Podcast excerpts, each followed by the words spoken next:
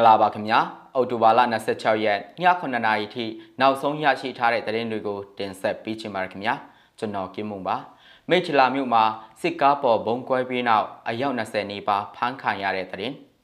စစ်ကောင်းဆောင်အစည်းအဝေးမတက်ရောက်ရေးအာဆီယံရဲ့ဆုံးဖြတ်ချက်ကိုမလေးရှားကြိုဆိုတဲ့သတင်းမြောင်းမြထောင်မှာမတရားဖမ်းဆီးခံရတဲ့အမျိုးသားတအူတည်ဆုံးတဲ့သတင်း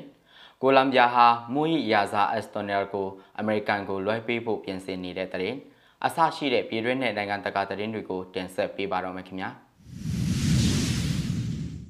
မိတ်ထလာမြို့နယ်ကသတင်းနဲ့စချင်ပါတယ်။မန္တလေးတိုင်းမိတ်ထလာမြို့နယ်အမှတ်1ရဲစခန်းရှိမှာမဏိကအောက်တိုဘာ25ရက်မနေ့7နာရီလောက်မှာဘုံပေါက်ကွဲဖြစ်ခဲ့ပြီးတဲ့နောက်မဏိကညနေ9နာရီခွဲလောက်မှာစဖမ်းတာအေချမ်းရက်ကွက်ကိုအရိကဝင်ဖမ်းတာပြီးတော့စီးခုံကြီးရက်ကွက်တကြောကိုလည်းဝင်ရှာတယ်ပြောတယ်18ရောက်လောက်ပါသွားတယ်ကြားတယ် ယောက်ျားလေးတွေပဲဖမ်းသွားတာဖြစ်လောက်မယ်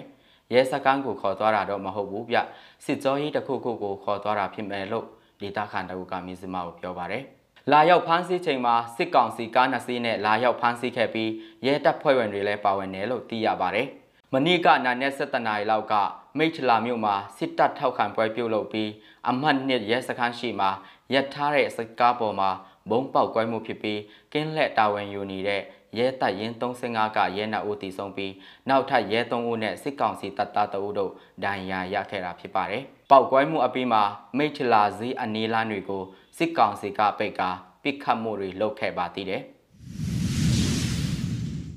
စစ်ကောင်းဆောင်အစည်းအဝေးမတက်ရောက်ရေးအာဆီယံရဲ့အဆုံးဖြတ်ချက်ကိုမလေးရှားချူဆိုတဲ့သတင်းကိုလည်းတင်ဆက်ပေးချင်ပါတယ်။ အာနာသိန်းစစ်ကောင်းဆောင်မင်းအောင်လိုက်ကိုအာဆီယံထိပ်သီးအစည်းအဝေးတက်ရောက်ခွင့်မပြုခဲ့တဲ့အာဆီယံအလဲကျဥက္ကဋ္ဌဘရူနိုင်းနိုင်ငံရဲ့ဆုံးဖြတ်ချက်ကိုကြိုဆိုကြောင်းမလေးရှားဝန်ကြီးချုပ်အီဆမီယာဆာဘရီကသူ့ရဲ့ Twitter အကောင့်မှာဒီနေ့အောက်တိုဘာလ26ရက်မှာရေးသားထားပါတယ်။အာဆီယံထိပ်သီးနိုင်ငံများအကြားဘုံသဘောတူညီချက်9ရပ်ကို ပူးပေါင်းဆောင်ရွက်ဖို့ပြက်ကွက်ခဲ့တဲ့အာနာသိန်းစစ်ကောင်းဆောင်ကိုထိပ်သီးအစည်းအဝေးတက်ရောက်ခွင့်မပြုဖို့အခုလ15ရက်ကကျင်းပခဲ့တဲ့အာဆီယံနိုင်ငံခြားရေးဝန်ကြီးတွေကဆုံးဖြတ်ခဲ့ကြတာဖြစ်ပါတယ်။အာနာသိန်းအကြမ်းဖက်စစ်ကောင်းဆောင်မင်းအွန်လိုင်းကိုအခုအစည်းအဝေးကိုတက်ရောက်ခွင့်ပိတ်ခဲ့ပြီးစစ်ကောင်စီရဲ့နိုင်ငံခြားရေးဝန်ကြီးဌာနအမြဲတမ်းအတွင်းဝင်ဦးချမ်းအေးကိုသာတက်ရောက်ဖို့ဘရူနိုင်းနိုင်ငံခြားရေးဝန်ကြီးဌာနကဖိတ်ကြားခဲ့ခြင်းဖြစ်ပါတယ်။ဒါပေမဲ့ စစ်ကောင်စီဘက်ကနိုင်ငံအကြီးအကဲဒါမှမဟုတ်ပြည်ထောင်စုဝန်ကြီးအဆင့်ရှိပုဂ္ဂိုလ်ကတက်ရောက်ခွင့်ရမှသာ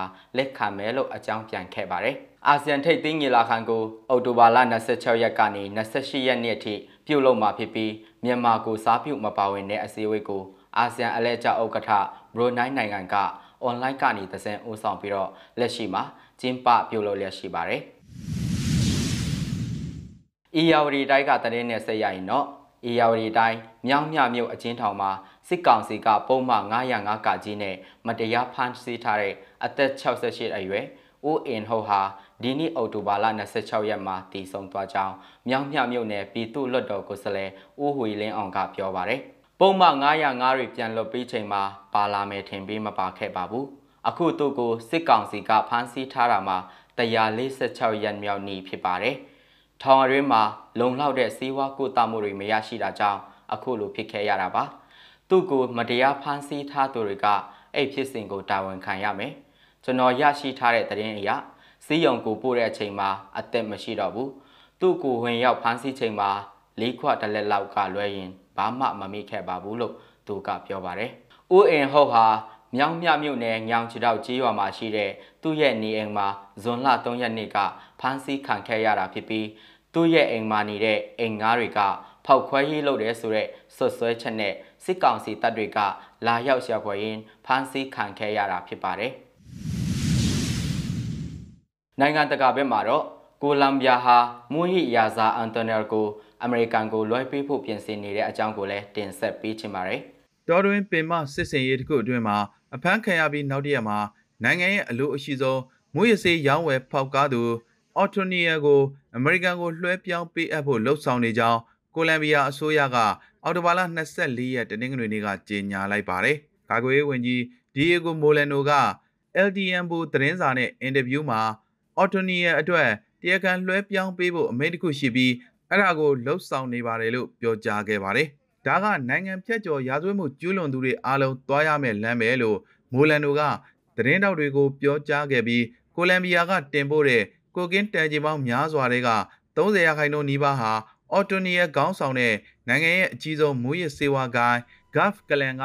ရောင်းဝယ်ဖောက်ကားနေတာဖြစ်တယ်လို့သူကဆိုပါတယ်။အမည်ရင်ဒိုင်ရိုအော်တနီယိုအူဆူဂါလို့သိရတဲ့အသက်50အရွယ်မူရရာဇာကိုစနေနေ့က နိုင်ငံအနောက်မြောက်ပိုင်းကတောတွေထဲမှာရဟန်းရင်18စီးနဲ့အဖွဲ့ဝင်900ပါတဲ့စစ်စင်ရေးတစ်ခုအတွင်းမှာဖမ်းမိခဲ့တာဖြစ်ပါတယ်။ကိုလံဘီယာမှာကြောက်စရာအကောင်းဆုံးလူတွေတဲကတူဖြစ်တဲ့အော်တိုနီယာကိုဖမ်းဆီးနိုင်ဖို့အတွက်သတင်းပေးနိုင်ရင်ဒေါ်လာ9သန်းချီးမြှင့်မယ်လို့အမေရိကန်ကစုကြီးငွေထုတ်ထားပါတယ်။2016ခုနှစ်က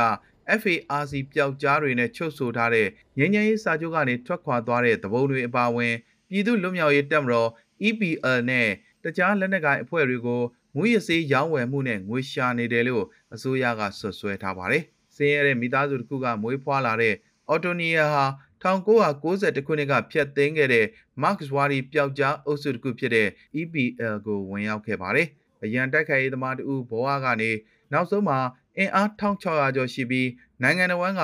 ဒေသန္တရအုပ်ချုပ်ရေးရန်တရားတွေမှာအတွင်းလူပေါင်း300လောက်စိတ်ဝင်ထည့်ထားနိုင်ခဲ့တဲ့ Gulf Clan အဖွဲ့ရဲ့ခေါင်းဆောင်ဖြစ်လာခဲ့တယ်လို့လွတ်လပ်တဲ့တွေးခေါ်လေးလာမှုအဖွဲ့ NDPES ကဆိုပါတယ်။ကိုလံဘီယာနိုင်ငံအတွင်းမှာတင်အော်တိုနီယာကိုမူရစေးရောင်းဝယ်မှုနဲ့အရွယ်မရောက်သေးသူများစုဆောင်းမှုအတွက်ထုတ်ထားတဲ့ဖန်ဝရံပေါင်း128ခုရှိပါတယ်။အမေရိကန်ကထောက်ပံ့ထားတဲ့ဆယ်စုနှစ်9ခုကြာမွေးရစစ်ပွဲအတွင်းမှာကိုလံဘီယာနိုင်ငံဟာ1993ခုနှစ်ကလုံခြုံရေးတပ်ဖွဲ့ဝင်တွေကအသေးပြစ်ကဖမ်းဆီးခဲ့တဲ့ဘေးမြင် အက်စကိုဘာအပါအဝင်မွေးရရာဇာပေါင်းများစွာကိုဖမ်းဆီးခြင်းတုတ်တင်ခြင်းတွေလှုပ်ဆောင်နိုင်ခဲ့ပါတယ်။ဒါပေမဲ့ဒီကနေ့အထိအောင်ကမ္ဘာပေါ်မှာကိုလံဘီယာက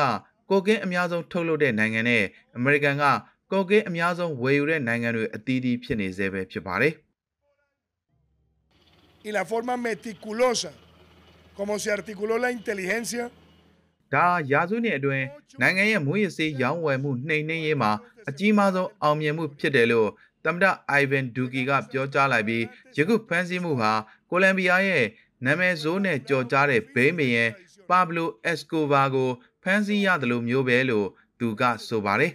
ငါတို့ရှေ့ကိုဆက်ပြီးသွားမယ်တန်ပိုးမြင့်ပြစ်မှတ်အားလုံးကိုတုတ်တင်ပြီးအောင်ပွဲခံမယ်လို့နိုင်ငံအနောက်မြောက်ပိုင်းစစ်အခြေစိုက်စခန်းတစ်ခုကနေဒူကီကကြုံဝါလိုက်ပါတယ် မြစည်းမရဲ့အော်တိုဘာလ26ရက်ည9:00နာရီထိနောက်ဆုံးရရှိထားတဲ့သတင်းတွေကိုတင်ဆက်ပေးခဲ့တာပါမြန်မာပြည်သူပြည်သားအားလုံးစိတ်ချမ်းသာခြင်းကိုယ်ရေးချမ်းသာခြင်းနဲ့ပြည့်စုံကြပါစေခင်ဗျာ